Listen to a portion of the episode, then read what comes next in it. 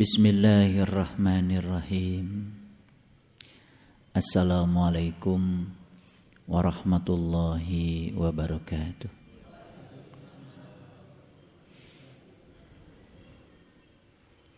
Alhamdulillahi rabbil alamin. Wassalatu wassalamu ala asrafil anbiya'i wal mursalin. Sayyidina Muhammadin wa ala alihi wa sahbihi ajmain Ashhadu an la ilaha illallah al-malikul hakul mubin Wa ashhadu anna muhammadan abduhu wa rasuluh Sadiqul wa'dul amin Allahumma salli ala Sayyidina Muhammadin Wa ala alihi wa sahbihi ajmain Subhanaka la ilma lana illa ma'lamtana Innaka antal alimul hakim سبحانك اللهم ربنا وبحمدك. أشهد أن لا إله إلا أنت. أستغفرك وأتوب إليه. أستغفر الله العظيم. أستغفر الله العظيم. أستغفر الله العظيم. الذي لا إله إلا هو الحي القيوم وأتوب إليه من جميع المعاصي والذنوب لا حول ولا قوة إلا بالله العلي العظيم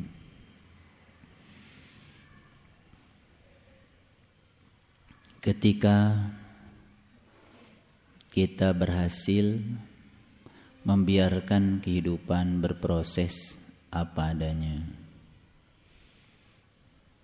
Seraya kita menunaikan tugas-tugas kehidupan kita yang Allah perankan kepada kita tanpa harus ewuh pakewuh semua berjalan apa adanya seperti yang diajarkan oleh semesta Matahari bertugas menyinari setiap pagi dan tenggelam setiap sore. Bulan pada saatnya menyinari kita dan pada saatnya juga tidak bersama dengan kita. Ayam berkokok pada saatnya dan semua diperankan oleh mereka sendiri-sendiri apa adanya sebagai bagian dari peran yang Allah berikan padanya tanpa ada sedikit pun penolakan maka dada kita akan terasa lebih lapang dan damai.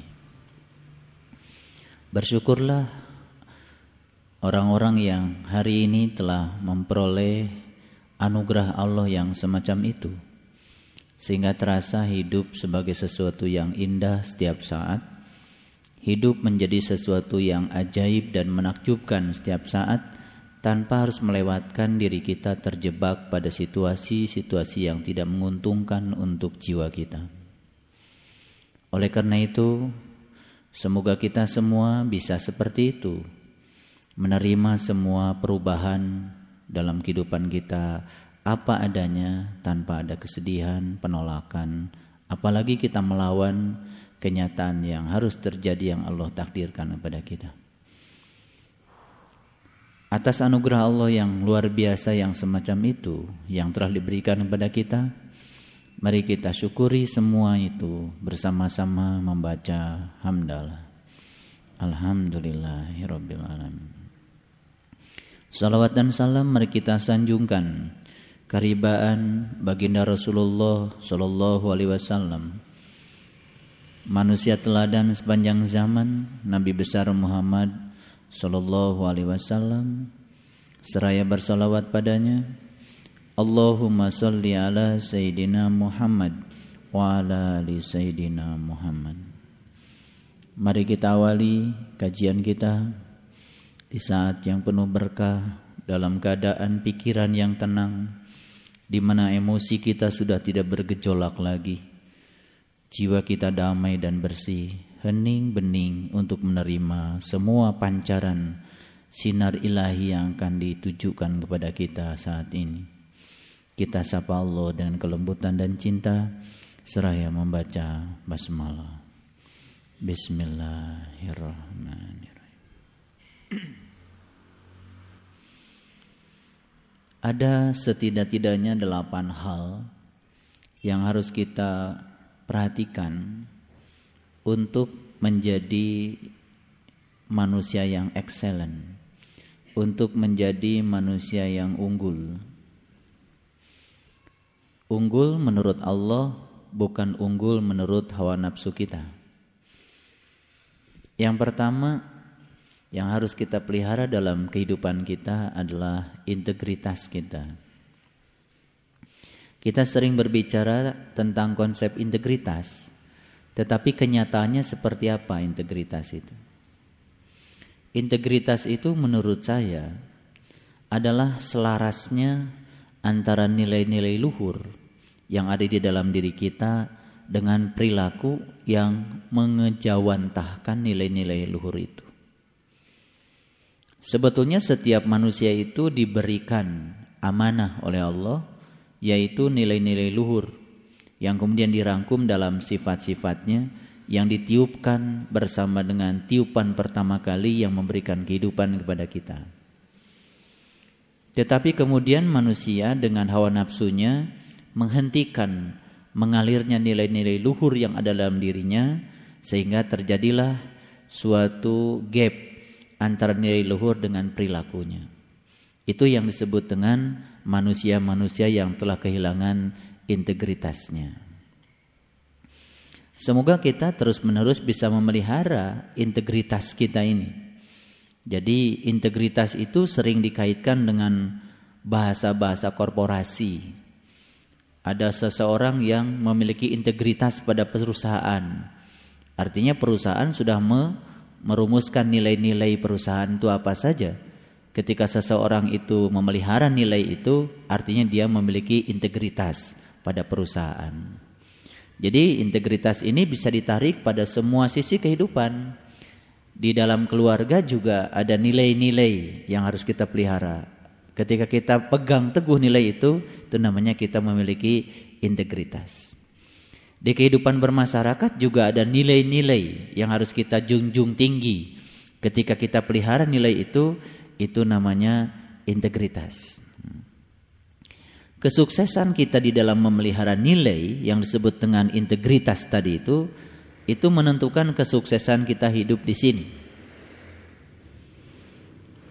Tanpa mengurangi rasa rendah hati saya terhadap kepergian orang tua saya.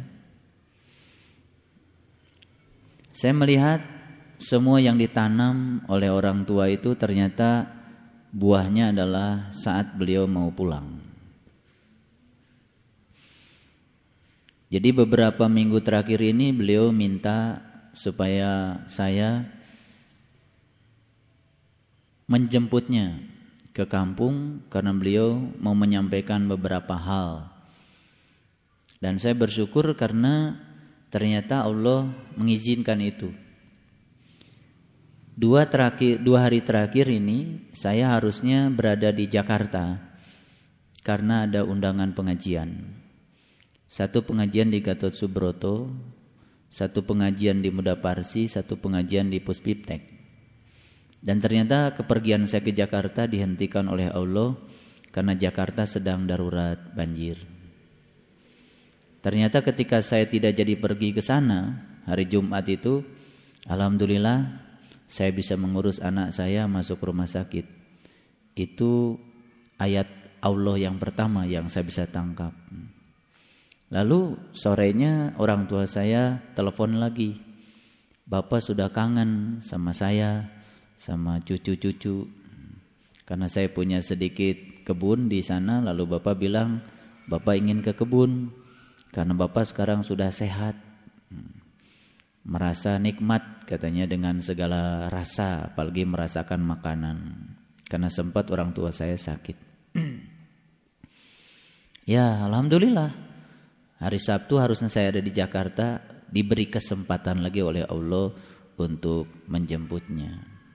Jadi saya menjemputnya ke kampung saya sendirian karena istri saya sedang menunggui anak saya di rumah sakit.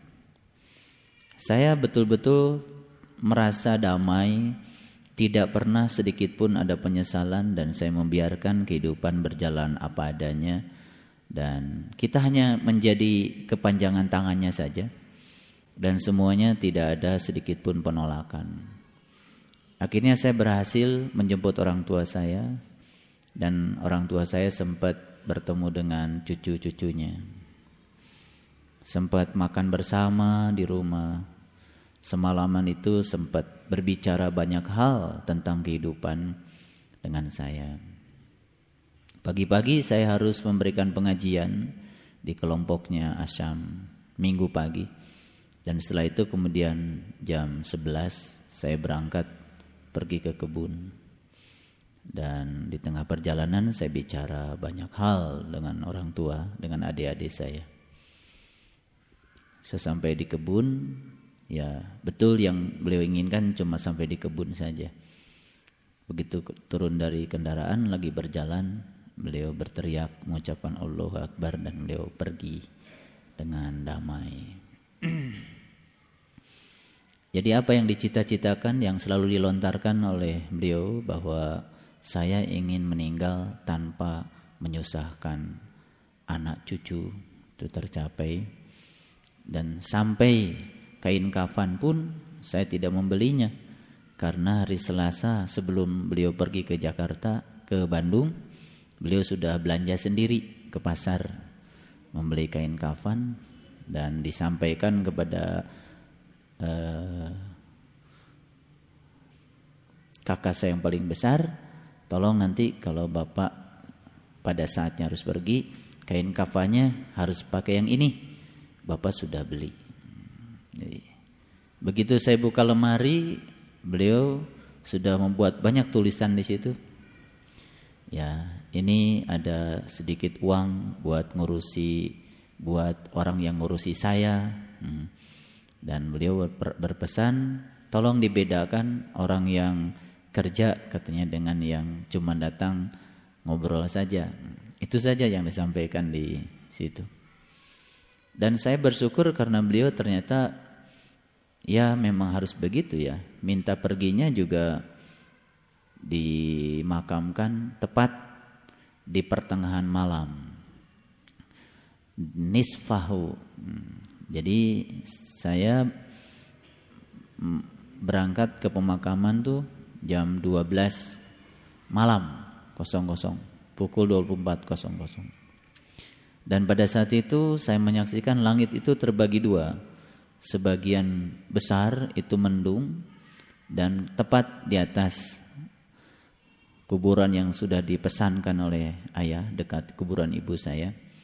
Itu langit itu cerah dan bintang-bintangnya begitu indah. Sebentar lagi saya akan cerita itu karena ada ayatnya ternyata.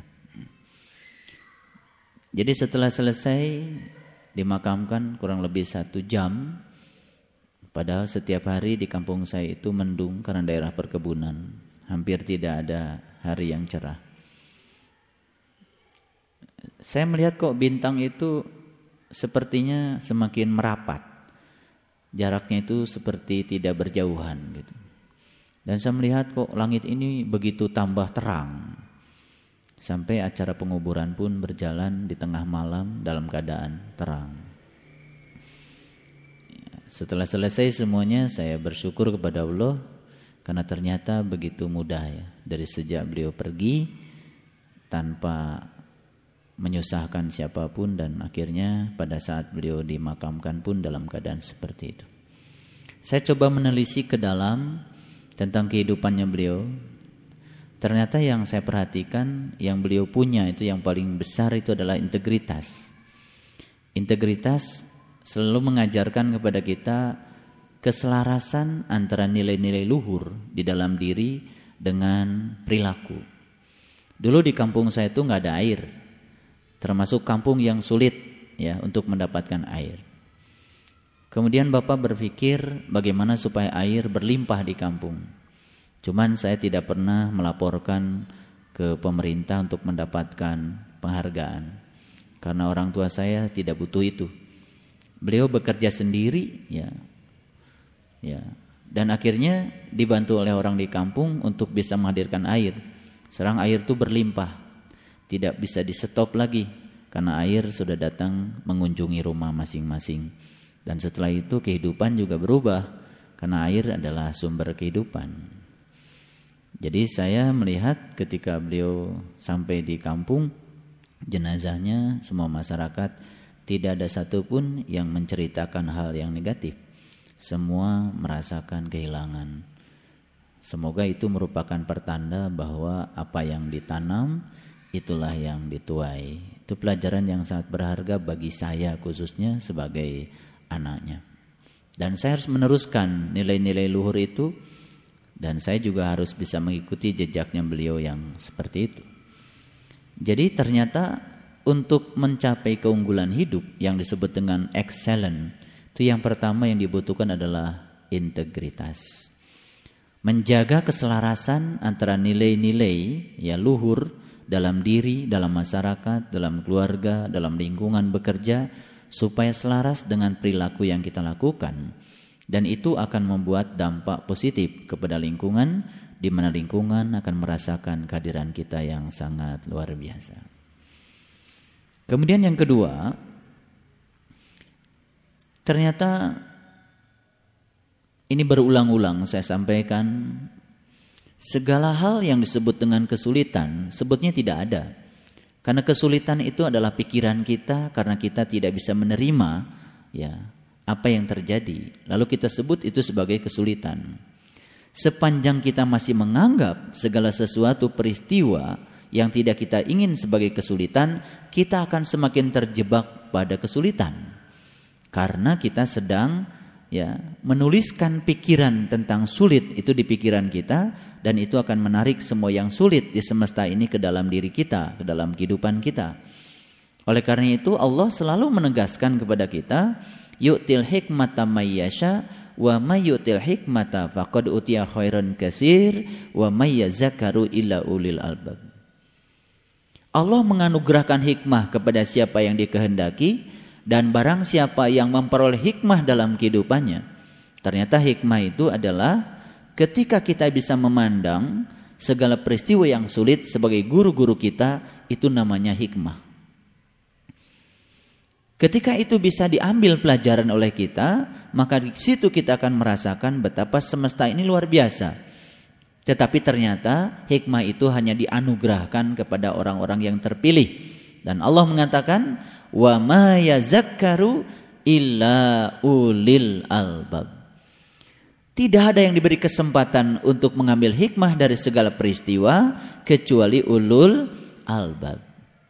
Beruntunglah mereka yang telah bisa mengingat Allah dalam keadaan berdiri, duduk dan berbaring sehingga setiap saat dia memiliki integritas kepada Allah. Nah, integritas kepada Allah berarti menselaraskan kehidupan kita dengan nilai-nilai luhur yang ada di dalam diri kita yang Allah tiupkan, yang Allah amanatkan kepada kita. Sifat Rasul yang empat, yang pertama sidik, yang kedua amanah, yang ketiga fatona, yang keempat balago, bukan untuk dihafal. Tetapi sifat-sifat itu harus menjadi sifat kita. Kita harus membangkitkan sifat itu di dalam diri kita karena itu adalah nilai-nilai luhur yang Allah titipkan kepada kita. Jadi yang kedua adalah kecerdasan mengambil hikmah. Ini adalah hal yang akan menunjang supaya hidup kita menjadi excellent. Yang ketiga, ya, selalu menjaga niat agar niat itu selalu selaras dengan perilaku kita. Ternyata pembicaraan yang sering keluar dari mulut kita itu sangat mencerminkan tentang niat yang ada di dalam diri kita. Itu sebabnya niat yang tidak lurus ada kecenderungan komunikasi kita juga tidak baik. Lalu kita akan terjebak pada komunikasi-komunikasi yang berbahaya. Nah, komunikasi yang berbahaya tentu saja akan membahayakan diri kita, juga membahayakan orang di sekitar kita. Kemudian yang keempat, ini sering saya sampaikan, peluklah saat ini dengan penuh ketulusan dan keikhlasan. Mereka yang bisa memeluk saat ini apa adanya, memeluk setiap peristiwa yang terjadi pada dirinya saat ini, itulah orang-orang yang selalu akan dianugerahi hikmah. Jangan hidup di masa lalu dan hidup di hari esok, karena hari esok belum tentu menjadi milik kita. Hiduplah di hari ini, karena hari ini adalah saat terbaik untuk kita. Itu sebabnya integritas menjadi penting, karena itu akan menjaga konsistensi kita untuk selalu menjaga nilai-nilai luhur di dalam diri kita. Kemudian yang kelima yang harus diperhatikan adalah komitmen. Apa sesungguhnya komitmen? Komitmen ini berhubungan dengan janji. Janji berhubungan dengan tugas. Tugas berhubungan dengan kewajiban. Sebetulnya semua kita ini telah diberi visi tentang hidup. Tugas kita adalah melaksanakan misi dari kehidupan kita. Visi kita kan cuma satu, hidup kembali kepada Allah karena kita berasal dari Allah lalu belajar membaikkan diri kita selaras mungkin agar kita bisa selalu mengabdikan diri kita kepada kepada Allah. Nah, komitmennya harus selalu dijaga. Komitmen yang paling sakral pernah kita ucapkan pada saat kita berbaya, pada saat kita berbaiat, ya, pada saat kita mengikrarkan janji kepada Allah di hadapan seorang penunjuk jalan dan janji itu harus kita pelihara. Ketika kita komitmen pada janji kita, maka insya Allah kita akan menjadi manusia-manusia yang excellent. Yang berikutnya adalah yang ke enam tanggung jawab, responsibility. Tanggung jawab yang paling utama adalah tanggung jawab pada diri sendiri. Tidak akan ada orang lain yang bertanggung jawab atas diri kita kecuali diri kita sendiri. Di Quran surat Al-Mudassir yang sudah saya bahas pada kesempatan yang lalu, Allah sendiri mengatakan, ya tidak ada yang bisa memberikan syafaat kecuali syafaat yang dibangkitkan oleh diri diri kita sendiri. Ini baru pengantar saja untuk mengantarkan kajian kita pada kesempatan kali ini. Kemudian yang berikutnya adalah fleksibilitas. Fleksibel itu artinya adalah selalu bersikap terbuka terhadap segala perubahan. Saya menyadari bahwa tidak selamanya kita sakit, tapi juga tidak selamanya kita sehat. Keterbukaan kita untuk menerima perubahan ternyata membuat aliran kehidupan menjadi sangat harmonis. Jadi sebetulnya kata-kata aliran Sering dipakai salah. Ada aliran sesat. Kalau kita mau jujur, kata-kata aliran ini kan bahasa Indonesia. Aliran itu mencerminkan kehidupan. Jadi sebenarnya tidak ada aliran sesat. Ketika seseorang sedang melakukan tindakan yang salah, dia sebetulnya sedang berproses saja untuk mengalir pada kesempatan berikutnya. Tetes air pun tidak selamanya melewati sungai yang keruh. Kadang-kadang dia harus melewati sungai yang jernih. Kadang-kadang setelah sampai di laut, dia pun berubah menjadi laut. Betul. Setelah menjadi laut, dia berubah menjadi awan. Setelah jadi awan, berubah menjadi air hujan. Jatuh menjadi kotor lagi. Terus bersiklus. Bayangkan kalau air di stop proses bersiklusnya. Semua bertumpuk menjadi air keruh saja. Lalu tidak ada lagi hujan. Semua berproses. Aliran darah kita mengalir saat kita masih hidup. Nafas kita mengalir saat kita masih hidup. Jadi aliran sebetulnya lambang dari kehidupan itu sendiri. Jadi jangan sembarang kita bicara aliran sesat, aliran tidak sesat. Apa sih aliran? Aliran itu kan proses. Semua sedang berproses. Sebelum kita ada juga kita pernah tiada. Proses itu. Itu aliran sebetulnya. Oleh karena itu maka flexibility yang harus kita miliki adalah bersikap terbuka terhadap segala perubahan. Saya selalu sering mengatakan bahwa segala sesuatu dalam hidup ini pasti berubah dan berakhir. Orang tua kita yang kita cintai yang selalu bersama dengan kita pasti akan berubah meninggalkan kita. Kapan? kapan saja. Sebetulnya kita tidak usah alergi terhadap perubahan sepanjang kita menyiapkan diri selalu untuk bisa menerima proses perubahan itu sendiri. Nah, jadi tidak usah kagetan dalam hidup. Semuanya pasti akan berubah. Yang harus kita tumbuhkan adalah sikap terbuka kita terhadap perubahan itu sendiri. Terbuka berarti membuka diri dengan lapang untuk menerima kenyataan apa adanya. Sebagaimana yang saya sampaikan di awal tadi, alangkah bahagianya orang-orang yang hari ini, saat ini sudah bisa menerima kenyataan hidup apa adanya sebari dia tetap melaksanakan tugas-tugas yang Allah perankan pada dirinya. Hidup menjadi indah dan sangat luar biasa. Kemudian yang terakhir adalah keseimbangan. Saya sudah mengajarkan tentang ini bagaimana main dan fisik itu memiliki keterhubungan. Ternyata harus diselaraskan dengan prana yang disebut dengan energi, yang disebut dengan nafas. Itu adalah energi ilahi. Jadi sebetulnya prana itulah yang menghubungkan keseimbangan antara fisik dengan mind, fisik dengan mental. Itu sebabnya yang mentalnya sudah seimbang, mentalnya sudah damai, pasti fisiknya pun akan ikut damai. Karena getaran yang dialirkan dari mentalnya itu akan mempengaruhi fisiknya. Sehingga fisiknya pun akan ikut selaras. Perlu diingat bahwa tubuh kita 85% itu air. Air itu sangat rentan terhadap perubahan. Karena air itu molekulnya polar. Satu-satunya molekul di semesta yang bersifat polar itu air. Jadi air itu sebelum dikasih medan listrik, sebelum dikasih medan magnet, dia sudah terpolarisasi secara alamiah. Maka air itu memiliki polaritas. Artinya kutub positif dan kutub negatif dari sumber-sumber muatan listriknya itu tidak pernah berada dalam satu titik. Dia sudah terdistorsi secara alamiah. Dan itulah yang menyebabkan air menjadi pelarut yang sangat luar biasa. Makanya air sering disebut sebagai sumber kehidupan. Iya.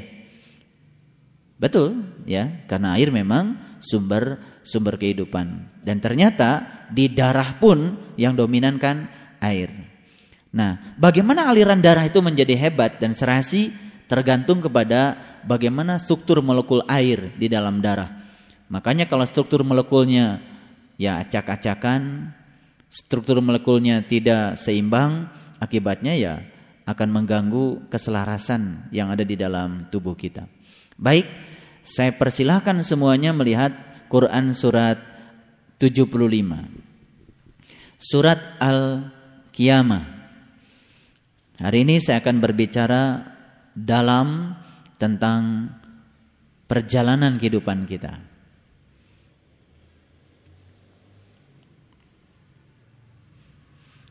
Sebelum masuk, saya masih terngiang dengan peristiwa pada saat pemakaman ayahanda saya. Jadi ketika saya memandang ke atas, begitu indahnya bintang, ya, susunan bintang di atas ya bagian tanah yang di situ ada tempat pemakaman ayahanda saya. Saya kemudian membacakan Quran surat Al-Waqiah. Dan Allah menyatakan fala uqsimu bimawaqi'in nujum. Aku bersumpah demi tempat beredarnya bintang-bintang. Saya bersyukur kepada Allah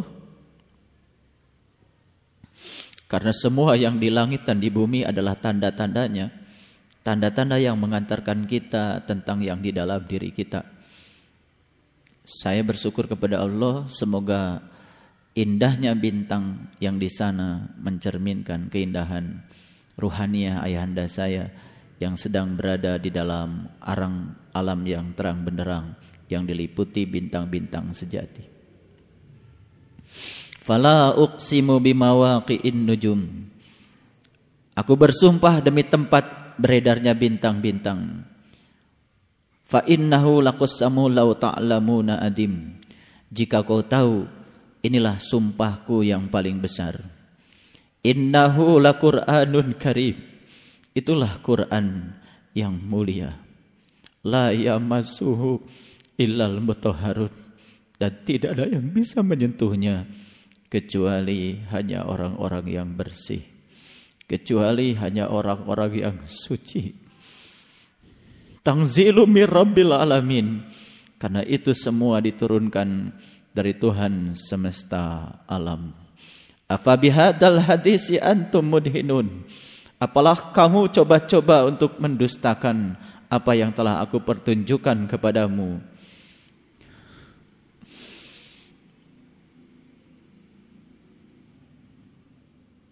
Afa bihadzal hadisi antum mudhinun. Wa taj'aluna rizqakum annakum tukazibun. Karena kamu menugarkan semua yang aku pertunjukkan kepadamu dengan dusta karena kamu menyelimutinya dengan hawa-hawa nafsu dunia yang kotor. Falaula ida balagatil hulkum dan ketika nyawamu sampai di kerongkongan nanti wa antum hina idin tandurun. Saat itu pasti kamu akan melihat. Wa nahnu aqrabu ilai minkum. Dan sesungguhnya aku amat dekat kepadamu. Walakin la tapi kebanyakan manusia dalam keadaan tidak bisa melihat. Semoga bintang yang bercahaya di luar cerminan dari bintang-bintang yang bercahaya yang telah Allah titipkan ke dalam diri kita jangan pernah didustakan itu semua karena itu adalah kebenaran yang sejati yang kita akan meraihnya kembali pada saat kita menghadap Dia. Saya ingin semuanya melihat Quran surat Al-Kiamat yaitu ayat yang ke-23.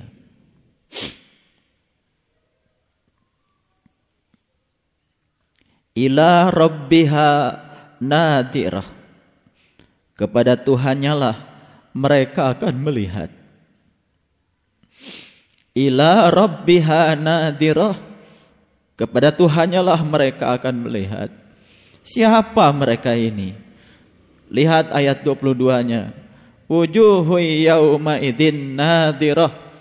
Wajah-wajah orang mukmin pada hari itu berseri-seri demi Allah saya ingin menyampaikan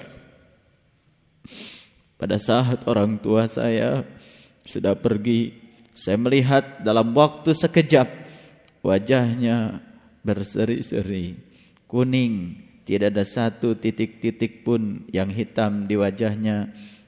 Ada dan kemudian saya menyaksikan wajahnya berseri-seri. Saya tidak mengatakan kalau orang tua saya hebat, tapi saya menyaksikan kehidupan beliau yang sangat luar biasa. Ya kemudian saya meyakini kalau beliau adalah pulang dalam keadaan terang benderang sebagaimana yang Allah sampaikan di ayat ini. Wujuhu yauma idin nadirah. Wujuhu yauma idin nadirah. Wajah-wajah mereka pada hari itu berseri-seri. Kenapa berseri-seri? Ila rabbiha nadirah. Karena mereka hanya melihat Tuhan. Dalam Injil dikatakan mereka hanya akan bisa masuk surga ketika mereka pernah turun dari surga. Kita tidak akan pernah menyaksikan gilang gemilangnya bintang di langit rohaniah kita yang terdekat pada saat kita pulang kepadanya. Sepanjang kita tidak menyaksikan gilang gemilangnya bintang di langit yang terdekat di dalam kehidupan kita yang saat ini. Lain lagi dengan ayat yang ke-24. Saksikan wujuhu yauma idin basirah dan wajah-wajah mereka pada hari itu muram. Siapa yang muram? Tentu saja mereka yang pada saat dipanggil pulang kepada Allah dia tidak bisa melihat kepada Allah. Pilihan cuma dua, apakah kita mau mengizinkan wajah kita hari itu muram atau kita ingin agar hari itu wajah kita berseri-seri. Kuncinya cuma satu, ila rabbiha nadirah. Pada saat itu kamu harus melihat kepada Allah. Berkenaan dengan Quran surat Al-Isra Allah menyatakan man kana fi hadhihi a'ma wa huwa fil akhirati a'ma wa adallu sabila. Barang siapa yang buta di dunia lebih buta lagi di akhirat dan jalannya lebih sesat. Itulah saat-saat penting yang harus kita perhatikan di dalam kehidupan kita entah kapan itu terjadi. Orang tua saya lagi berjalan, di situlah beliau pulang. Ada yang sedang sakit, di situlah mereka pulang. Cara untuk pulang setiap orang tentu saja berbeda-beda. Mari kita lihat ayat ini secara keseluruhan dari ayat yang pertama. Di ayat yang pertama Allah menyatakan Bismillahirrahmanirrahim La uqsimu biyaumil qiyamah Aku bersumpah dengan hari kiamat Ini sumpah sama dengan sumpahnya Allah di Quran surat Al-Waqiah yang saya sampaikan tadi La uqsimu bimawaqi'in nujum. Aku bersumpah demi tempat beredarnya bintang-bintang. La uqsimu biyaumil qiyamah. Aku bersumpah demi hari kiamat. Hari kiamat harus diterjemahkan. Kiam itu bahasa Arab yang bahasa Indonesianya artinya adalah bangkit. Yaumil qiyamah harusnya diterjemahkan hari berbangkit. Ya. Kapan hari berbangkit itu? Hari berbangkit tidak usah menunggu hancurnya alam semesta ini. Karena kebangkitan ruhaniah harus dimulai dari sekarang. Supaya pada saat kita mengalami ya kebangkitan yang sesungguhnya, pada saat kita kembali kepada Allah, mengalami ayat inna lillah wa inna ilaihi rajiun, di situ kita sudah bangkit dalam pengertian bangkit yang sesungguhnya. Makanya di ayat yang kedua Allah bersumpah juga wala uqsimu binafsil lawam dan aku bersumpah dengan jiwa-jiwa yang rendah. Jiwa-jiwa yang menyesali. Yang digunakan di sini bukan ruh, tapi yang digunakan di sini adalah nafs. Apa bedanya ruh dengan nafs? Kalau ruh itu ya kondisi ruhaniah kita yang awal, yang bersih. Kalau nafs itu adalah kondisi ruhaniah kita yang sekarang, yang sudah terkontaminasi barangkali.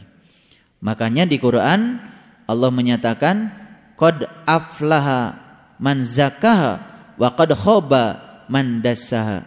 Beruntunglah mereka yang menyucikan jiwanya dan merugilah mereka yang mengotori jiwanya. Nah, jiwa yang sudah terkontaminasi di dalam bahasa Quran sering disebut dengan nafs. Makanya di sini yang akan menyesali itu bukan jiwa, yang akan menyesali sebetulnya nafs.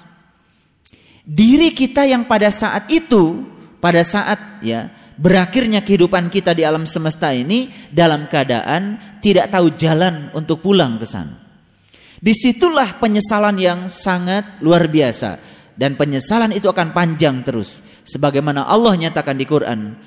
Ya berulang-ulang di Quran. Ya Allah Tuhanku kenapa kau himpunkan aku dalam keadaan buta? Padahal dulu aku adalah orang-orang yang melihat dan Allah menjawab fa innaha la ta'mal absyar walakin ta'mal qulubul lati syudur yang buta bukanlah matamu yang itu tapi yang buta adalah mata kesadaranmu, mata jiwamu. Fis sudur itu di atas dada. Di atas dada ada apa? Di atas dada ada gunung. Inilah yang di atas dada. Fis sudur itu di atas dada. Fi itu seperti kita meletakkan. Fi seperti itu fit. Ya, di atasnya, ya. Jadi fis sudur itu di atas dada, bukan di dalam dada. Kalau di dalam dada jadi ke sini ke dalam. Kalau di atas dada ke sini. Nah inilah sebenarnya keunggulan manusia. Itulah gunungnya manusia. Itulah puncaknya spiritual manusia. Maka beruntung mereka yang telah menemukan syakarnya. Dan bisa memanfaatkannya. Tanpa mengurangi rasa hormat. Saya menelisik ke belakang. Ibu saya meninggal tanggal 7 Januari. Orang tua saya, bapak saya meninggal tanggal 20 Januari. Pelajaran yang saya dapat, ini yang saya dapat 20 ditambah 7. itu 27. Dua itu dari orang tua saya. Tujuhnya dari ibu saya. Jadi orang tua saya itu adalah kuncinya. Ibu saya adalah gemboknya. Ketika dua bersanding dengan yang tujuh, kan sebetulnya di situ perjalanan spiritual kita akan naik. Saya percaya betul bahwa itu pelajaran yang sangat luar biasa bagi saya dan keluarga karena angkanya sangat luar biasa. Karena orang tua saya alhamdulillah sepanjang hidupnya ya baik-baik saja. 27 itu kan Nabi Muhammad juga mi'rajnya tanggal 27. Subhanallah. La uksimu biyaumil kiamah. Aku bersumpah demi saat berbangkit. Kenapa Allah bersumpah tentang hari kiamat? Kan itu hari yang sangat penting yang menentukan masa depan ruhaniah kita. Wala uksimu binafsil lawamah dan aku bersumpah demi jiwa-jiwa yang menyesali. Semoga kita tidak termasuk jiwa-jiwa yang lawamah tapi menjadi jiwa-jiwa yang mutmainnah.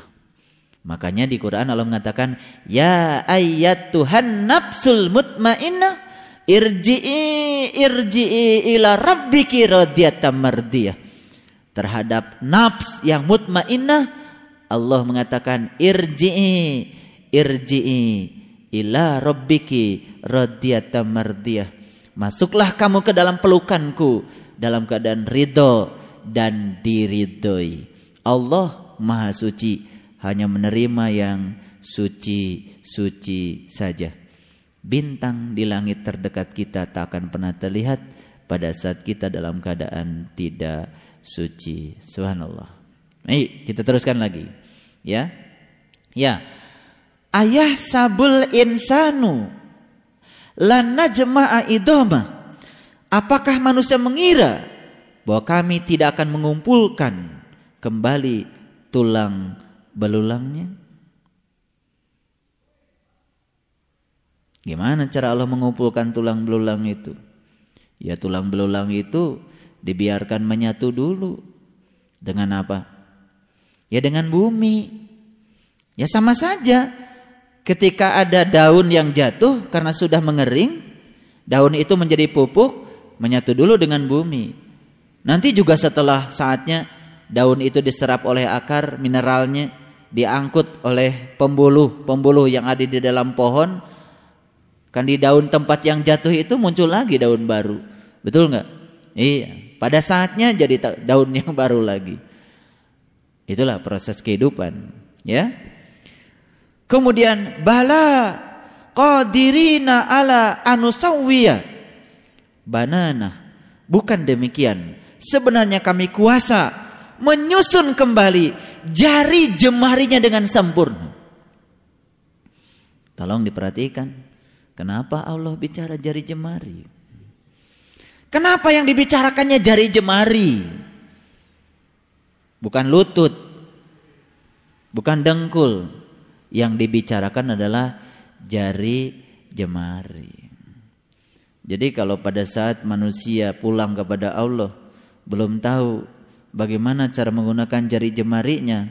Ya mati. Tulang belulangnya dikumpulkan lagi oleh Allah. Dengan cara dibiarkan menyatu dulu dengan tanah. Nanti diserap. Ya kan? Kan jadi kalsium, jadi macam-macam lah itu. Diserap oleh akar. Setelah diserap oleh akar, kan jadi pohon. Pohon kan menghasilkan daun, buah, kan gitu. Dimakan siapa itu? ya dimakan manusia. Betul nggak? Lalu berubah lagi menjadi setetes air yang di dalamnya sudah kompleks. Segala unsur yang dibutuhkan untuk terjadinya proses kehidupan sudah ada di situ. Unsur tulang ada, unsur daging ada, unsur otak ada. Semua unsur sudah ada lengkap di situ. Yang sering disebut dengan inti sel. Ya kan? Iya. Semua bakal dari kehidupan semua sudah ada di situ. Dan Allah menyatakan, "Bala qadirina ala anusawiya banana." Bukan demikian. Sebenarnya kami kuasa menyusun kembali jari jemarinya dengan sempurna. Jadi jari jemari kita itu sudah disusun amat sangat sempurna. Dan kalau kita memperhatikan, kelingking itu adalah alif, jari manis itu adalah lam, jari tengah adalah lam, telunjuk dan ibu jari adalah ha. Iya kan? Jadi sebetulnya inilah yang akan menuntun kita menuju kepada Dia. Makanya Allah menyatakan Yadullah fauqa aidihim. Tangan Allah sudah ada di atasmu. Tanganmu adalah tangannya. Betapa sedikit sekali manusia yang tahu bagaimana jari jemari itu sempurna untuk mengantarkan dirinya kepada Allah. Kalau sudah jadi jari jemari kuda, ya sudah. Jarak antara hidung dengan telinganya jauh. Jarinya pendek. Gak sempurna lagi. Tapi ketika kita memiliki jari-jari yang sempurna ini, ternyata sempurna. Jarak antara ibu jari dengan telunjuk sejarak ini. Jarak antara jari tengah dengan antara telunjuk dengan jari tengah sejarak ini. Dan jarak antara ini adalah selebar mulut kita. Apalagi yang perlu saya jelaskan semuanya sudah terlalu jelas. Jadi ternyata kiamat itu kunci utamanya adalah di jari jemari yang sempurna. Bersyukur hari ini kita masih memiliki itu. Kenapa? Bersyukur karena kita telah diciptakan dalam bentuk yang amat sangat sempurna untuk menuju kesempurnaan hidup mencapai dia yang maha sempurna. Ini kalau kita kaitkan tadi dengan ayat yang ke-23, dilihat dulu ayat 23 diulang lagi. Kepada Tuhannya lah mereka melihat. Betul? Ini Quran. Bahasa Arabnya sudah benar terjemahnya. Ila, ila itu menuju. Ilah itu kepada Rabbiha Rabb itu sang pemelihara. Ha. Ha itu kata ganti ketiga. Rabbiha kepada Tuhannya. Nadirah kamu akan melihat. Beruntunglah yang hari ini sudah bisa merasakan dahsyatnya kalimat ini wajah tu wajhalil ladzi fataras samawati wal ar hanifan wama ana minal musyrikin. Dahsyat kalimat itu. Bukan sekedar ucapan, tapi kalimat itu mencerminkan pengalaman spiritual yang luar biasa. Ya. Baik, kita lanjutkan pada ayat yang selanjutnya, ya.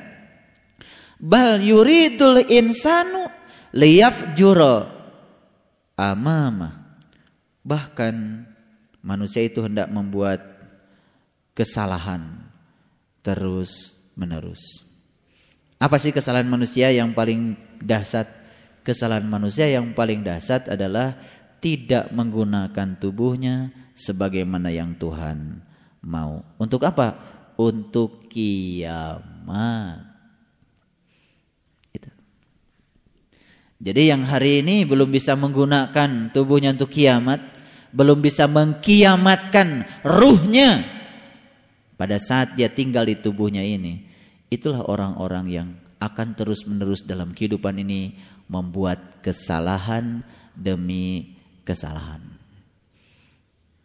Makanya sakor itu merupakan bencana yang paling besar. Ya, bencana yang paling besar. Kemudian ayat yang keenam, yas'alu ayyana yaumul qiyamah. Tuh.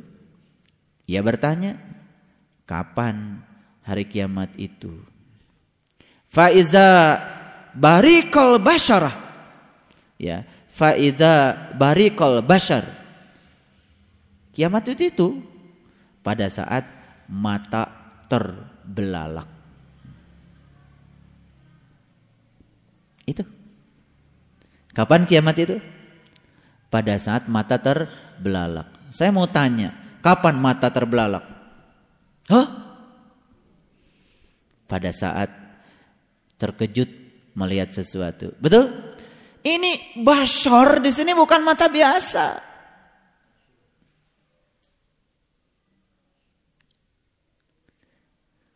Beruntung mereka yang sudah mengalami bagaimana terbelalaknya mata. Itu nyata Quran. Nyata. Kalau berguru kepada yang tahu. Kalau berguru pada yang tidak tahu, Quran itu hanya cerita-cerita. Kiamat itu nanti. Cerita aja. Padahal orang yang menceritakan kiamat, dia sendiri harusnya sudah mengalami kiamat. Kalau dia bilang kiamatnya nanti, dia juga belum kiamat berarti. Bagaimana dia mengajarkan kiamat pada orang lain, um, dirinya belum belum kiamat. Jadi Allah mengatakan faiza barikal bashar. Bashar. Kiamat itu pada saat matamu terbelalak. Wah, Gak ada terbelalak ini. Wah, gak ada. Terbelalak bukan menutup mata. Terbelalak membuka mata. Kapan itu? Kaget. Nabi Musa juga sama. Pada saat terbelalak, kaget. Sampai beliau itu jatuh pingsan. Gak ingat apa-apa yang di dunia ini. Gunungnya pun hancur luluh. Gak ingat lagi punya gunung. Dan beliau berteriak kepada Allah, "Qala subhanaka tubtu ilaika wa ana awalul mu'minin." Maksudnya engkau ya Allah. Aku datang kepadamu. Taubat itu datang. Aku kembali kepadamu. Wa ana awalul mu'minin. Inilah awal aku menjadi orang yang beriman. Terbelalak dulu baru iman. Kaget. Ya. Makanya di Quran surat Al-Anfal Allah menyatakan dan kepada orang-orang yang masih tertutup Allah bilang, "Aku akan berikan keterkejutan." Apa keterkejutannya?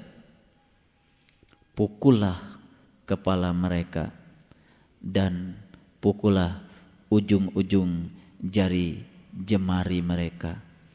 Itu di ayat ini diceritakan jari jemari. dua tujuh dua puluh tujuh persis ibu saya tanggal tujuh bapak saya tanggal dua puluh dua puluh tujuh angka yang sangat luar biasa kemudian Allah menyatakan dan apabila bulan telah hilang cahayanya kok bulan malah hilang cahayanya dan matahari dan bulan ber, dikumpulkan. Hilang cahayanya, tapi matahari dan bulan telah dikumpulkan. Bayangkan kalau matahari dan bulan dikumpulkan, seperti apa cahayanya? Betul nggak? Jadi bulan yang di sini adalah bulan yang di luar. Ini bukan cerita bulan yang di dalam seperti di Quran surat Al-Mudasir. Ya. Kita udah nggak lihat lagi yang di luar. Tapi bulan dengan matahari sudah berkumpul. Di mana berkumpul? Di dalam. Di semesta tidak mungkin ketemu matahari dan bulan. Tapi di dalam dirimu matahari dan bulan mungkin suatu saat akan berkumpul. Pada hari itu manusia berkata, pada hari itu ya, Yakulul insana yaumaidin ainal mafar. Pada hari itu manusia berkata, ke mana tempat lari? Jadi gara-gara ada kalimat seperti ini, lalu orang berpikir kiamat itu seperti di film 2012. Lari ke sana, lari ke sini. Kiamat ini kan urusan jari jemari. Berarti nggak lari ke sana, lari ke sini kan? Sebetulnya begitu, ya. Nah, Sekali-kali tidak, tidak ada tempat berlindung. Kalla la wazar ila rabbika yauma idin al mustaqar. Hanya kepada Tuhanmu sajalah pada hari itu tempat kembali. Jadi sebetulnya kalau menurut Quran kiamat itu kembalinya manusia kepada Tuhan. Jadi nggak perlu lari ke mana-mana, tidak perlu menyiapkan ya apa namanya rumah baja barangkali dari sekarang. Kalau pakai rumah baja pakai tanker gitu untuk menghindari ya terjadinya badai matahari, ya saatnya harus meninggalkan semesta ini, ya pergi juga. Walaupun kita dalam keadaan sedang berjalan.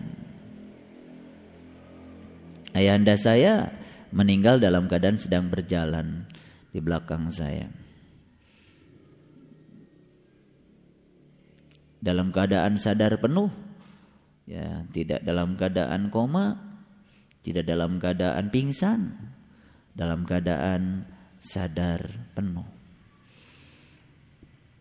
Ila rabbika yauma idin ya al-mustaqar.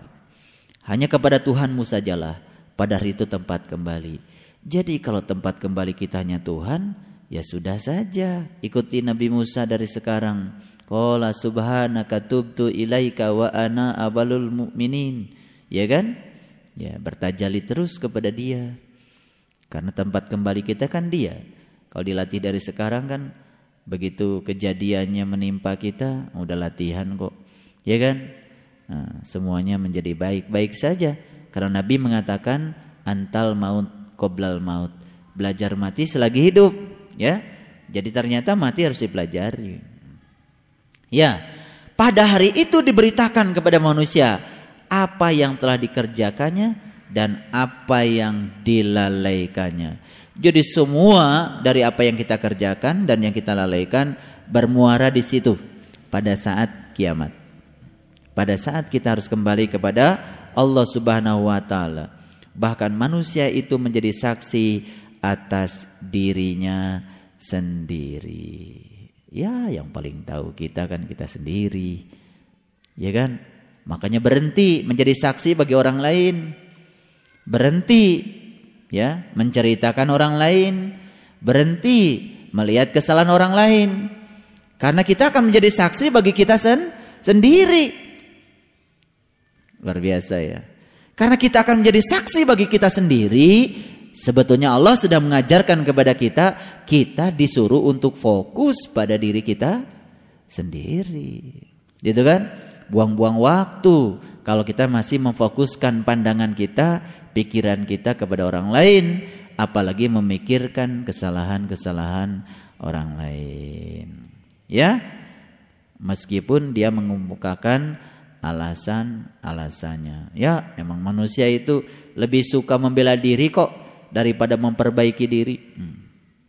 Padahal dari sisi efektivitas hidup, membela diri itu nggak ada untungnya. Semakin membela diri, semakin membuktikan bahwa kita tertutup. Betul. Padahal kita dihuruskan tadi apa? Terbuka. Berarti fleksibilitinya harus dibongkar lagi. Kalau hari ini kita masih tertutup, untuk menerima pandangan orang lain, nasihat orang lain, kita masih kaku, belum fleksibel. Kemudian Allah mengatakan la tuharrik bihi lisanaka litaj'ala bih. Janganlah kamu gerakan lidahmu untuk membaca Al-Qur'an karena hendak cepat-cepat menguasainya. Nah, ini ini bahasa Quran indah ya. Hmm. Sebetulnya kalau kita mau jujur, ini dalam kurungnya agak banyak nih, ya. Hmm. Kita kan selama ini terlalu puas menggerakkan lidah untuk membaca Al-Quran. Jelas kalau membaca Quran yang tulisan ini harus pakai lidah. Kalau nggak pakai speaker bahkan berhenti itu lidahnya. Hmm. Ya, mohon maaf, saya tidak a priori terhadap orang yang pinter baca Quran, lagunya bagus, bagus juga, ya kan? Bagus juga. Tetapi Allah mengatakan membaca Quran itu ternyata tidak perlu menggerakkan lidah.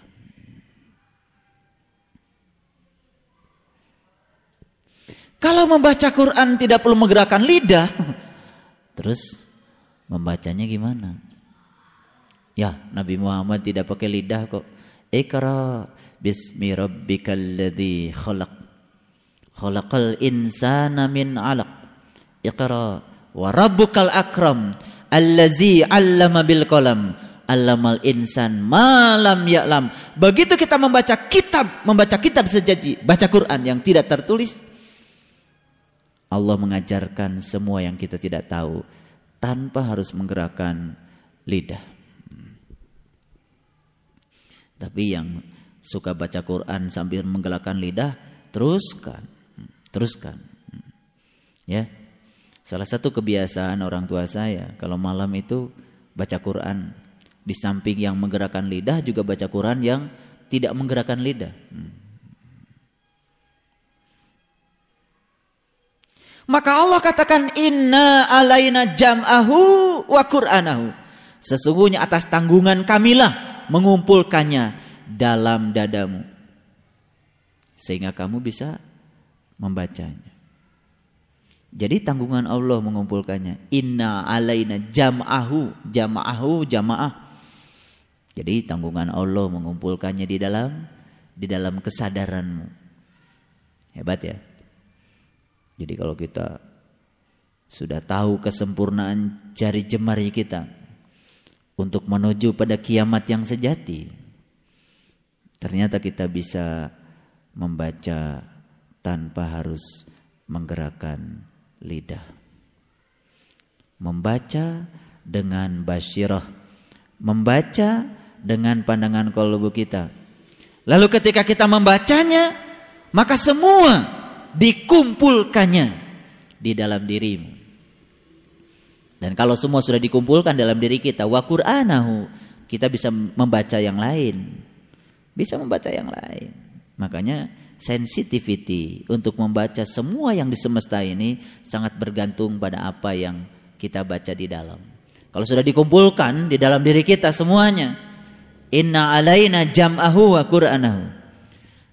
Saya dulu ketika kecil umur SMP lah. Saya dikasih kitab sama bapak namanya kitab Nurul Bayan. Kitab itu sayang sekali tidak ada lanjutannya karena pengarangnya Muhammad Romli namanya itu sudah uh, Muhammad Ali namanya itu beliau sudah meninggal Beliau itu alamatnya di sini, di Ciraten di Bandung. Yang menulis kitab itu namanya Kitab Nurul Bayan. Bahasa Sunda asli, ya. Itu baru sampai Quran surat Ali Imran, belum selesai sampai Anas. Tapi saya bersyukur karena saya sudah dapat pembukanya. Itu tafsir yang paling bagus menurut saya dari yang saya ketemukan, tapi bahasa Sunda. Namanya tafsir Nurul Bayan. Jadi saya sudah mulai kenal sejak SMP ayat-ayat ini. Inna alaina jam'ahu wa qur'anahu. Saya cuma bertanya saja gimana cara Allah mengumpulkan Quran itu di dalam diri kita? Bagaimana cara Allah mengajarkan kita membacanya dalam diri kita? Ternyata kuncinya ketemu setelah saya dewasa ya. Harus kiamat dulu. Makanya dulu saya nyantri nggak lulus-lulus. Pusing saya baca Quran nggak ngerti-ngerti. Kuncinya ada di Quran surat Al-Qiyamah. Subhanallah. Faida qara'nahu fattabi' Qur'anahu. Apabila kami telah selesai membacakannya, ikutilah bacaannya. Jadi ternyata kalau di ayat ini, apabila kami telah selesai membacakannya. Jadi saat kita memandang ke sana, kita tuh sedang dibacakan sesuatu oleh Allah. Yang membacakan Allah. Kita cukup mendengarkan saja dengan telinga batin kita. Kalau dengarkan, dengarkan yang dibacakan Allah dengan telinga batin kita, masuk ke dalam diri kita, berubah menjadi pemahaman dalam diri kita. Setelah masuk menjadi pemahaman, pemahaman itulah yang kemudian keluar menjadi bahasa kita. Yang keluar itu bahasa kita itu kalau sudah keluar kan bahasanya bisa dipilih. Badai bahasa Sunda, mangga, bahasa Inggris, mangga, bahasa Arab nutia sama mangga gitu kan. Itu makan keluarnya, keluarnya. Saya sekarang sedang mengkomunikasikan apa yang saya dapat dalam bahasa komunikasi namanya bahasa Indonesia. Kalau saya sekarang dikomunikasikan pakai bahasa Arab, ya semuanya pasti pusing. Hmm. Lalu saya menjadi so Arab sendiri. Hmm. Gitu. Hmm. Bukan itu masalahnya. Karena di dalam Al-Quran kan Allah mengatakan sampaikanlah sesuai dengan bahasa kaumnya. Iya, bahasa kaumnya. Nah bahasa kaum ada dua. Satu bahasa kamus, yang kedua bahasa rasa. Kalaupun saya ceramah pakai bahasa kamus, bahasa Indonesia, yang belum merasakan gak akan nyambung. Dengar cerita saya. Jadi bahasa kamus itu juga ternyata hanya bahasa luar yang menyambungkan komunikasi kita bahasa rasa. Karena masing-masing sudah merasakan apa yang saya sampaikan. Karena sudah merasakan nyambung. Bahkan tidak perlu saya panjang-panjang mengkomunikasikannya. Semua sudah mengerti. Karena sudah terbelalak. Ya, Ternyata kiamat itu matanya terbelalak. Indah. Jadi bahasa Quran tuh luar biasa banyak. Setelah ditranslate ke dalam bahasa Indonesia, pilihan-pilihan bahasa tuh banyak.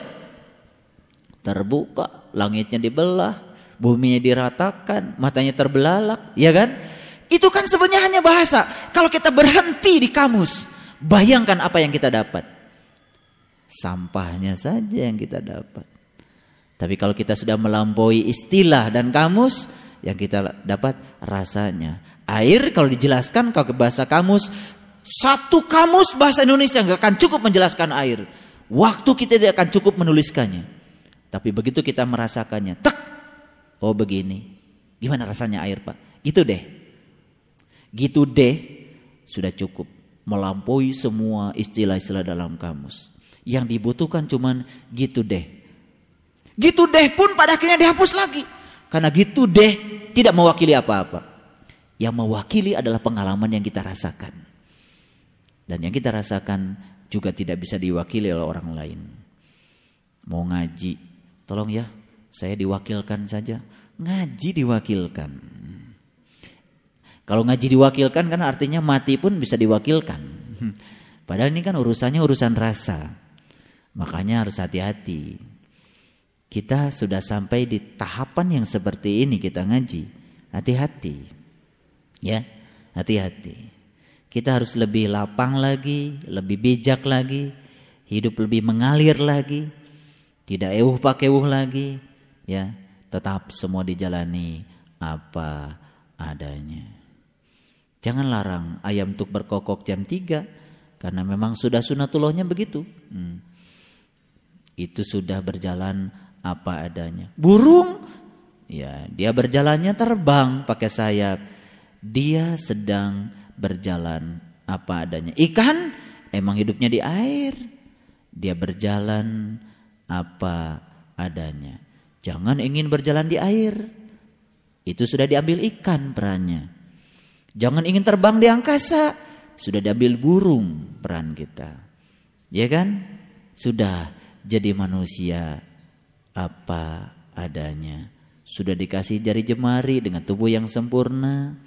Sudah kiamatkan dirimu sebagaimana apa adanya. Itu. Enak kalau semua sudah berjalan apa adanya. Nah, yang suka bikin kita pakai euh karena kita menahan yang sedang berjalan apa adanya. Hidup menjadi nggak sederhana lagi, kompleks jadinya. Kita terlalu banyak mengatur. Banyak mengatur kan pakai pikiran. Kalau pakai pikiran jadi menetapkan dan memikirkan. Sakor. Udah mau menetapkan, memikirkan. Berikutnya apa lagi? Tidak membiarkan, tidak meninggalkan. Huh, kejadian 10 tahun yang lalu. ya Kesikut sama ibu pengajian. 10 tahun berikutnya masih uh menikah raos keneta urut sikuna. Hmm, hmm kacida pisan. Tidak meninggalkan, tidak membiarkan. Eh, dulu ya, ketika dia menjabat. Waduh, saya Pak. Waduh. Nanti kalau saya menjabat, mau jadi pejabat begitu mah. Hmm. Dari awal sudah mau balas denda. Jadi semua hidup menjadi kompleks. Uh, ya, makanya telinga itu jalan terus. Hmm. Subhanallah. Indah? Indah. Kalau kita urut dari ayat 1 terus sampai ayat yang sekarang. Allah mengatakan di ayat berikutnya indah sekali.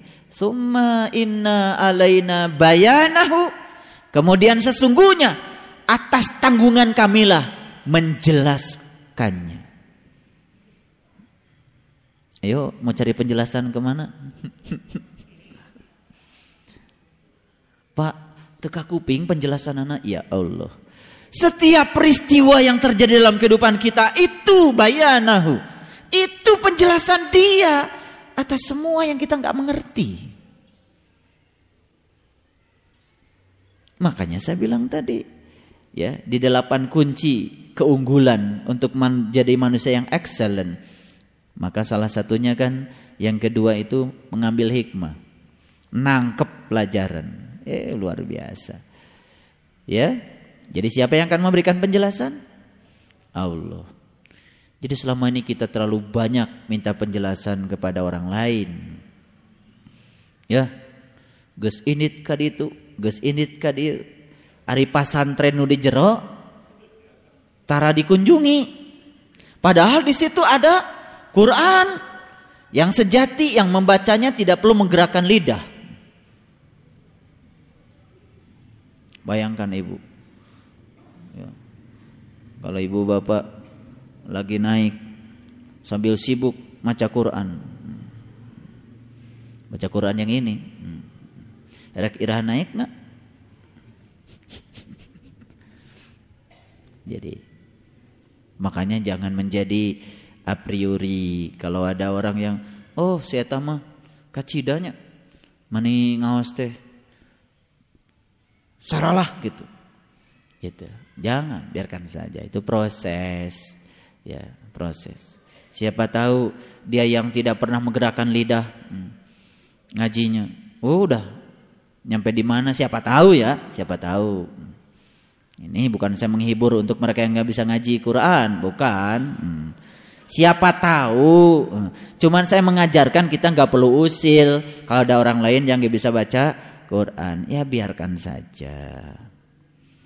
Karena ternyata kata Allah kan membaca Quran tidak perlu menggerakkan lidah. Hmm. Baru tahu ya. Dari dulu belajar kiamat nggak ngerti-ngerti. Hmm. Makanya tadinya saya mau langsung al-insan, al-mursalat. Tapi saya merasa ada bagian di al-mursalat dengan di al-insan itu yang perlu ini. Makanya al-mudasir saya masuk dulu al-qiyamah. Ya. Jadi sebetulnya kalau kita benar ngajinya, al-mudasirnya jelas. Oh, masuk al-qiyamahnya luar biasa. Setelah kiamat baru jadi insan. Baru armul salat. Malak yang di dalam dirinya itu berjalan. Malak yang melaksanakan kebaikan jalan. Malak yang terbang cepat jalan. Malak yang menebar luas rahmat jalan. Malak yang membedakan hak dengan yang batil jalan. Malak yang setiap saat menyampaikan wahyu jalan. Semua malaknya aktif dalam dirinya. Nanti kalau sudah jadi insan, malaknya baru aktif. Makanya kiamat dulu baru insan, baru armur salat. Hmm. Iya, ntar terus lagi sana Anas aja. Indah. ya? Oke. Baik, kita lihat ayat berikutnya, ya. Summa inna alaina bayanahu. Kemudian sesungguhnya atas tanggungan kamilah menjelaskannya. Dia yang membacakannya. Dia yang menjelaskannya. Tugas kita apa? Tugas kita cuman terbelalak aja. Enteng pak ngaji, iya. Enteng banget ngaji. Tugas kita terbelalak saja. Dia yang membacakannya, dia yang menjelaskannya. Kalau dia yang menjelaskannya, gak akan salah penjelasannya. Yang salah itu kita nangkepnya. Hmm. Betul nggak? Sering gak nyambung. Hmm. Oh, makanya kita disuruh sholat. Sholat itu kan solu, solu itu nyambung. Nah makanya belajar makrifat gak sholat, gak nyambung. Solunya tuh gak nyambung, gak nyambung. Jadi mak repot. Gak nyambung. eh, iyalah, gak sefrekuensi. Padahal syarat untuk bisa nyambung terus kan sefrekuensi. Cok, ibu-ibu kadang-kadang suka ngomong gini, kenapa sih ibu nggak mau bicara sama dia? Eh, gak nyambung abdi mah. kan gak nyambung kan? Gak nyambung tuh artinya beda frekuensi. Yang ini misalnya pengennya cerita spiritual. Yang ini ceritanya hayo we apartemen. Sakit tugas loba itu apartemen. Apartemen deh apartemen. Lamun diajak bicara apartemen semangat. Nah, lamun diajak sholat ah, beda, beda semangat. Gak nyambung. Syarat nyambung tuh frekuensi. Gitu. Jadi kalau kita pun ingin nyambung dengan penjelasannya Allah, ingin nyambung dengan apa yang dibacakan Allah kepada kita, ya harus menselaraskan diri dengan Allah. Oke, tambah asik ya ngajinya. Udah berapa jam nih? Ya? Satu? Ah, bisa tambah lah 30 menit lagi. Nah, kalla bal tuhibbunal ajilah Sekali-kali janganlah demikian. Sebenarnya kamu, hai manusia, amat mencintai kehidupan dunia. Jadi, kalau dia ini masih di frekuensi cinta dunia, sementara Allah menjelaskannya, Allah membacakannya, nyambung nggak? Gak nyambung. Karena dia beda frekuensi. Beda frekuensi. Nah sekarang timbul pertanyaan, Pak, nah abdi kita sok nyambung. Ah itu jawabannya, beda frekuensi. Jadi ari radionya siarannya 107,6 FM, di rumah nyetelna 96 FM. Hmm. Ngaguruh we radio teh. Hmm. Ari ngaguruh nama ngaguruh. Hmm. Tapi tidak nyambung. Banyak yang ngaji cuman ngaguruh saja. Hmm. Ngaguruh teh kadangu suarana nepi ka pengajian. Hmm. Gitu. Di mobil geus nepikeun ka pengajian heureuy. Mun bisa mah ustad dege kudu heureuy. Matakan pengajian di mana-mana yang banyak jamahna nu loba heureuy Makanya Allah bilang di Quran, wazaril ladina takhadu dinahum laiban walahwan. Tinggalkan kebanyakan orang yang menjadikan agama sebagai mainan dan senda gurau. Quran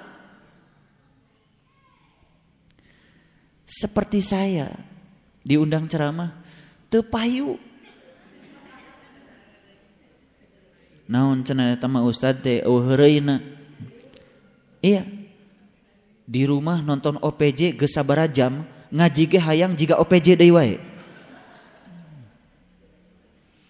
Ini yang disebut dengan wazaril ladina takhadu dinahum laiban walhawan. Beruntung mereka yang telah meninggalkan kebanyakan orang yang menjadikan agama sebagai main-main dan senda gurau. Kalau saya ngaji serius, kaji Quran kayak gini, tetunuh-tunuh acan, alhamdulillah. Hmm. Ibu tunuh, aduh, eueuh heureuy jadi yang menggetarkan dia itu frekuensinya frekuensi hari. Kalau masih di frekuensi hari, ya tidak akan pernah bisa mendengarkan suara kebenaran dari dalam. Dia mau membacakan sesuatu kepada kita, dia mau menjelaskan sesuatu kepada kita. Sepanjang kita masih hari, hari kan duniawi. Gak nyambung. Radio nama terus dijalankan.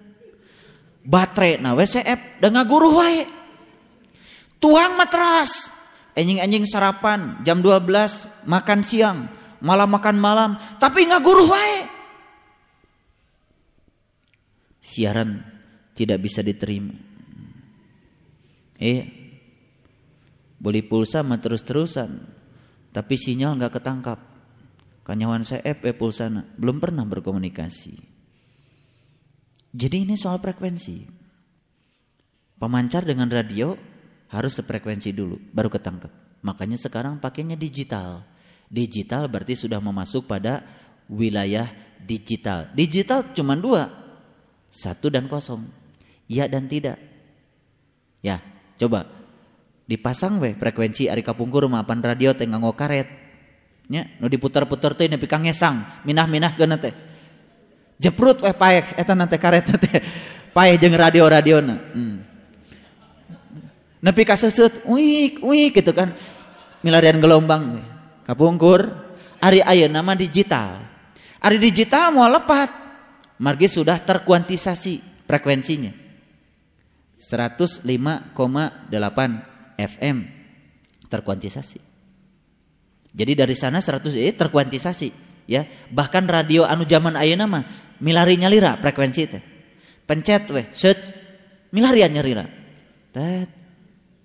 Pala linter radio ayeuna. Ari urang eleh ku radio. Kudu nama diri kita juga sekarang sudah mencari frekuensi. Search gitu ya. Mau mana? Kesadaran Adam, kesadaran Yahya, kesadaran Yusuf. Gitu. Ari orang menyeritakan tes sidratul muntaha wae. Ari nu diobrolkan pasar dunia nggak nyambung. Nggak nyambung. Jadi harusnya ya kita sudah memasuki digital. Digital satu dan kosong, satu dan kosong mah la ilaha illallah. Lamun la ilaha illallah sudah nyata dalam diri, la ilaha teu aya, illallah aya. Lamun orang teu aya, Allah aya. Kumaha caranya? Teu ayakeun, kiamatkeun. Aya ta Allah. Tuh, digital. Karena kita sudah di abad digital, bilangannya dua, biner, satu dan kosong. Aya, teu aya. Sok disetelkan radio di antara aya dan teu aya. Ngaguru.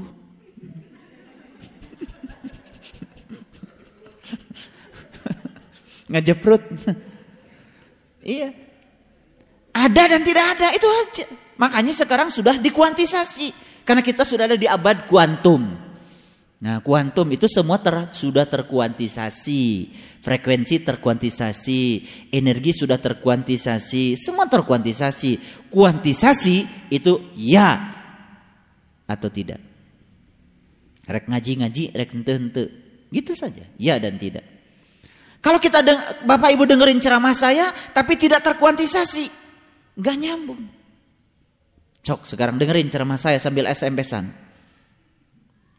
Coba saja dengerin ceramah saya sambil SMS-an. Nggak nyambung. Saya cerita ke mana dia nanti dijelaskan. Oh Pak Saipul tadi nyerita gini, ternyambung. Karena sedang antaranya. Itu. Jadi Allah menyatakan di ayat ini, Ya, sesekali janganlah demikian. Sebenarnya kamu, hai manusia, mencintai kehidupan dunia. Watadaru ya, watadarunal akhirah dan kamu sudah meninggalkan visi akhiratnya. Jadi visi akhiratnya sudah dia tinggalkan. Visinya adalah visi duniawi, nggak nyambung. Dan saya ingin tegaskan, spiritualitas bukan berarti kita berfokus pada ruhani meninggalkan jasmani, spiritualitas menggunakan jasmani dan ruhani dua-duanya sebagai potensi untuk mencapai akhirat. Robbana atina fid dunya hasana wa fil akhirati hasana wa qina azabannar. Kapan doa itu dibaca? Kalau sudah nyampe di rukun Yamani. Gitu. Lahir di Hajar Aswad. Perkuat komitmen di Multajam. Cari pintu Ka'bah yang sebenarnya. Gitu di pintu Ka'bah.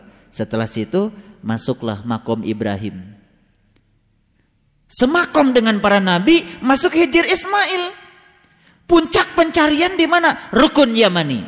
Spiritual tuh. Tuh, orang spiritual. Orang baik jadi kebaikan bagi dia. Orang jahat jadi kebaikan. Itu orang spiritual.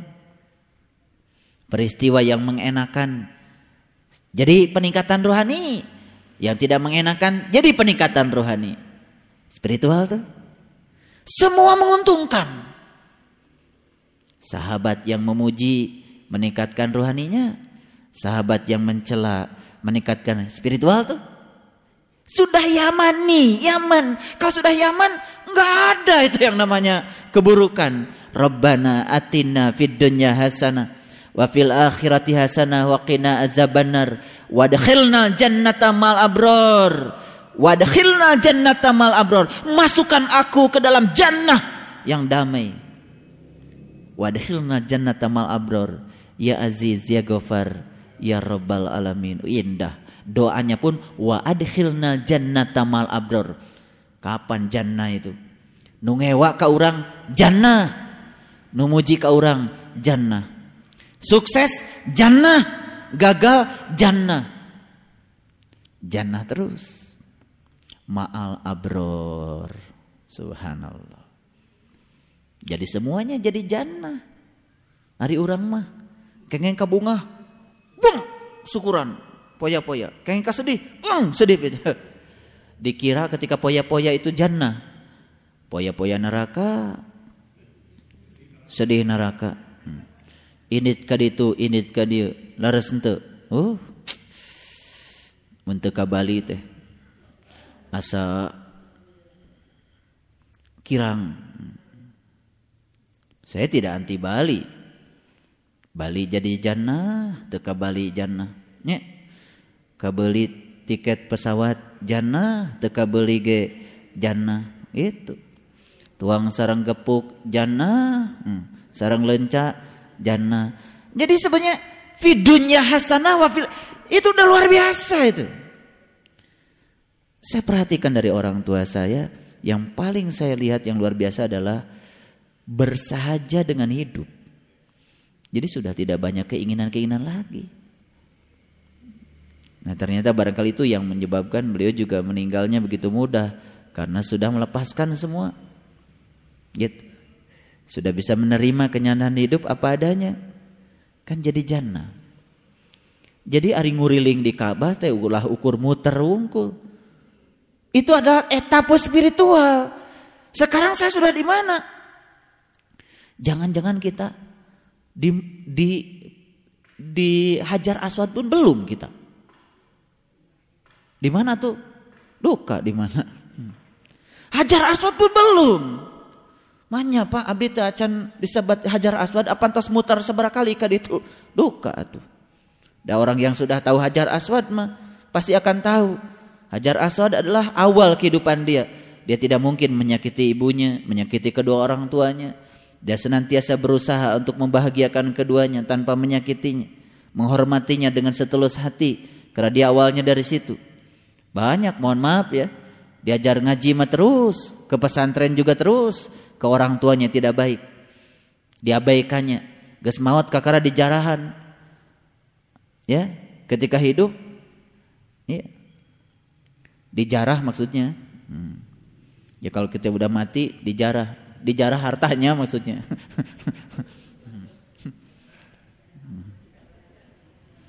dijarah dah nuju hirup mah aya ngajagana. Begitu meninggal dijarah. Hmm. Iya. Subhanallah. Jadi, itu etapa Hajar Aswad. Perjalanan kita masih panjang.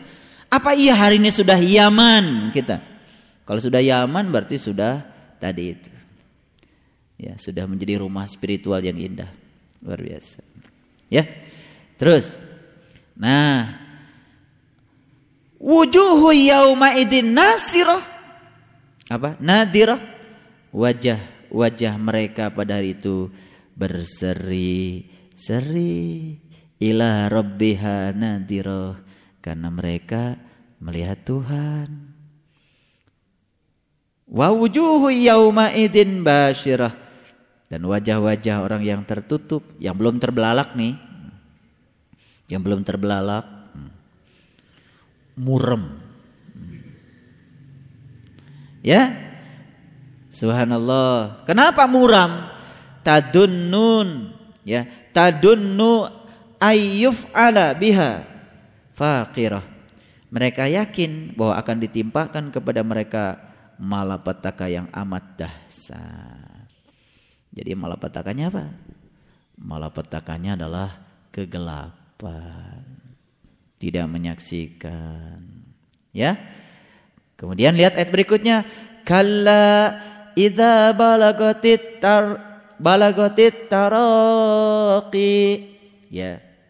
Sekali-kali jangan apabila napas telah sampai di kerongkongan. Ya. Jadi akhirnya ceritanya sampai situ kan? Ujung akhir perjalanan kita kan di situ, ya. Kalla ida balagatit taraqiyat. Sekali-kali jangan apabila nafas telah sampai di kerongkongan, ya. Ini perintah yang tadi tuh yang bermasa bermuka masam, kade ulah gitu. Hmm. yang bermuka masam tadi, yang cemberut, kade, ulah. Ya. Siapa orang yang mukanya tidak masam lagi? Yang sudah penuh dengan kasih sayang kan? Betul nggak? Yang hidupnya sudah tidak milih-milih lagi. Enggak jam berdut gitu. Duh, jika bemo. Hmm. Wakila ya man raqin dan dikatakan kepadanya siapakah yang dapat menyembuhkan. Dan dia yakin bahwa sesungguhnya itulah waktu perpisahan. Jadi kalau sudah sampai pada waktu perpisahan tidak ada lagi yang bisa menyembuhkan. Ya. Di mana saja, kapan saja saat perpisahan pasti akan datang. Makanya kita harus belajar berpisah dari sekarang. Berpisah dari selainnya. Ya, gitu. Jadi kita harus banyak melakukan perpisahan. Sok ada mal acara perpisahan unggal dinten. Kasim kuring sumping. Perpisahan dinten iya mah perpisahan sarang segala karsep. Ah. Enjing perpisahan sarang naon? perpisahan sarang kangewa. Ah, bagus. Tiap hari bikin acara perpisahan. Tong reuni wae. Hmm.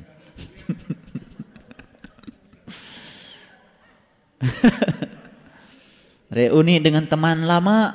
Apa teman lamanya? Eta kebencian. Teman lama. kebencian. Iri hati, teman-teman lama. Hmm. Soulmate. ya. Wal tafatis saku bisak dan bertaut betis kiri dengan betis kanan. Ya. Jadi kalau orang yang takut menghadapi kematian pasti gelisah. Ya, saya pernah menyaksikan orang yang meninggal itu sakaratul mautnya itu sulit. Ya, sampai kakinya itu itu digambarkan di Quran tuh bertaut betis kiri dan betis kanannya. Sampai ada yang mohon maaf ya, buang kotoran sampai kencing ya. Karena digambarkan di dalam hadis ya sakitnya orang yang meninggal yang tidak tahu tadi yang belum terbelalak itu sama dengan seribu kali dikuliti. Makanya digambarkan di Quran tuh betisnya itu bertaut betis kiri betis kanan. Ya. Jadi itulah orang-orang yang dalam kehidupannya ini hanya sibuk mengurusi yang akan dia tinggalkan. Makanya kalau kita mau menafakuri perjalanan spiritual kita ketika kita haji atau umroh, luar biasa sebetulnya kan. Jadi puncaknya tawaf, puncaknya apa tuh kan di Arafah sebetulnya. Ya, di Arafah. Makanya kalau saya mengajak jamaah di Madinah, fase Madinah saja mereka harus sudah sampai ke kiblatain. Harus sampai. Ya, Madinah itu fase Rasulullah, fase pencarian guru. Nah, kalau Mekah itu fase Ka'bah. Ka'bah Baitullah, fase pencarian Allah. Makanya kalau kita mau haji umroh yang benar itu sebetulnya fase Madinah dulu baru fase Mekah. Ya. Jadi cari dulu guru untuk menuju ke pintu Ka'bah.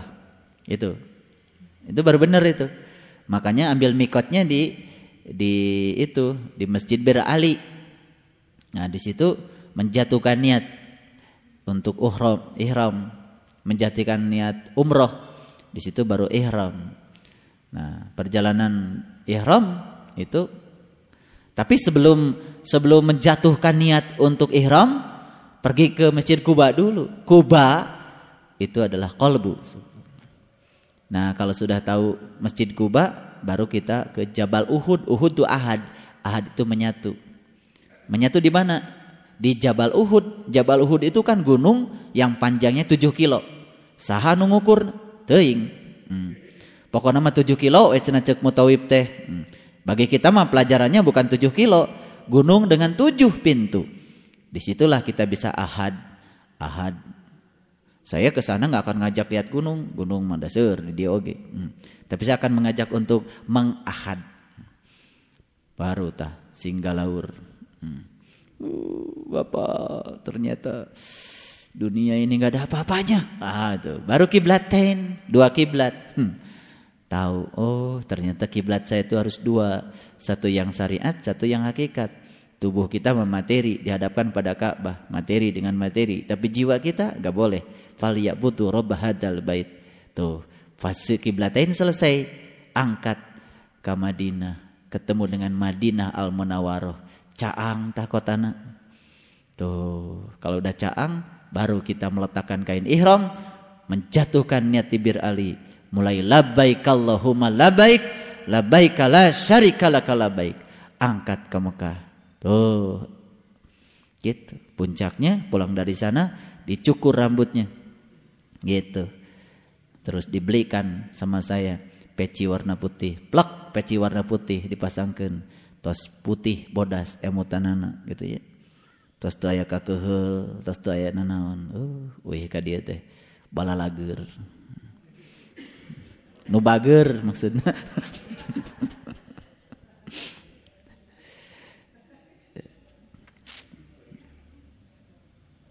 Nah, inilah yang orang yang tadi itu ketika sakartul maut ya bertautan betis kiri dengan betis kanannya. Menahan rasa sakit, rasa takut, tidak tahu harus pergi ke mana. Ila rabbika yauma idin ya, yauma idinil masak kepada Tuhanmu lah pada hari itu kamu dihalau. Dihalau oleh siapa? Dihalau tuh ditangkis, dihalang-halangi. Jadi kalau ini jalan menuju Tuhan, ditangkis tuh. Yang menangkisnya apa? Yang menangkisnya kegelapan. Yang menangkisnya perilaku dia. Yang menangkis adalah kehidupan dia sendiri. Jadi Jangan sampai pengajian kita ini malah menangkis kita kepada Allah. Jangan sampai bacaan Quran kita menangkis kepada Allah. Jangan sampai sholat kita menangkis kepada Allah. Belum tentu semua yang disebut ibadah itu sampai kepada Allah. Bisa jadi ibadahnya malah menangkis dia kepada Allah. Nah, semoga kita tidak seperti itu. Ya, kemudian dan dia tidak mau membenarkan ya Rasul dan Al-Qur'an. Ini terjemahan ya. Dan tidak mau mengerjakan sholat. Sebenarnya dia tidak mau membenarkan yang tadi itu. Ketika dia itu diajarkan, dibacakan oleh Allah, dijelaskan oleh Allah yang dari dalam tadi, dia tidak mau membenarkan. Maka dia tidak mengerjakan sholat. Diulang lagi di sini mengerjakan salat. Walakin kazzaba wa tawalla dia mendustakan Rasul dan berpaling dari apa yang sudah Allah jelaskan, yang sudah Allah bacakan kepada dia. Kemudian ia pergi kepada ahlinya dan berlagak sombong. Ini yang luar biasa. Summa dahaba ila ahlihi yatamatto. Ahli dunia akan bergabung dengan dunianya. Kembali kepada ahlinya. ya kembali kepada keluarganya. Makanya lihat di dua dunia berkumpul ya. Wajah-wajah yang serem semuanya ngumpul di situ. Ada tempatnya. Kembali ke ah ahlinya. Ya. Makanya innalillahi wa inna ilaihi rajiun sesungguhnya kita berasal dari Allah dan akan dikembalikan kepada apa yang dia pertuhankan. Jadi yang ahli dunia ya matinya juga ya dengan ahlinya. Ya, yang cinta mobil ya didinya we kukurilingan di jero mobil nah hmm. yang cinta rumah kukurilingan we di lebet bumina teuwih-uwih hmm. ya yang cinta jabatan terus diganti beberapa kali ke hayah we saya tama didinya hmm. Tengalih-ngalih hmm. gitu. Ini bahasa Quran. Summa dahaba ila ahli. Ya ya tamatta. Dia akan dikembalikan kepada ahlinya. Kepada keluar keluarganya. Ya keluarga dunia masuknya pada dunia lagi. Gitu ya. Ya subhanallah. Kemudian Allah katakan ya kecelakaanlah bagimu. Ya dan kecelakaanlah bagimu kemudian kecelakaanlah bagimu dan kecelakaanlah bagimu dihitung berapa kali ya aula laka fa aula Thumma aula laka fa'aula. Empat kali. Kecelakaanlah bagimu. Kecelakaanlah bagimu. Kecelakaanlah bagimu. Dan kecelakaanlah bagimu. Jadi tahu sekarang yang celaka itu? Yang celaka adalah yang pada saat mati dikembalikan kepada ahlinya. Ya, ahli dunia ya dunia lagi. Ya, kembali ke ahlinya. Itu sebabnya Ya, saya ingin menyampaikan selamat sama ayahanda ibunda yang telah menemukan ahli yang sesungguhnya yaitu ahlul bait. Ahli-ahli baitullah. Inilah ahli baitullah. Hmm. Ya, dekat sekali. Setiap hari kita pergi ke baitullah karena kita adalah ahli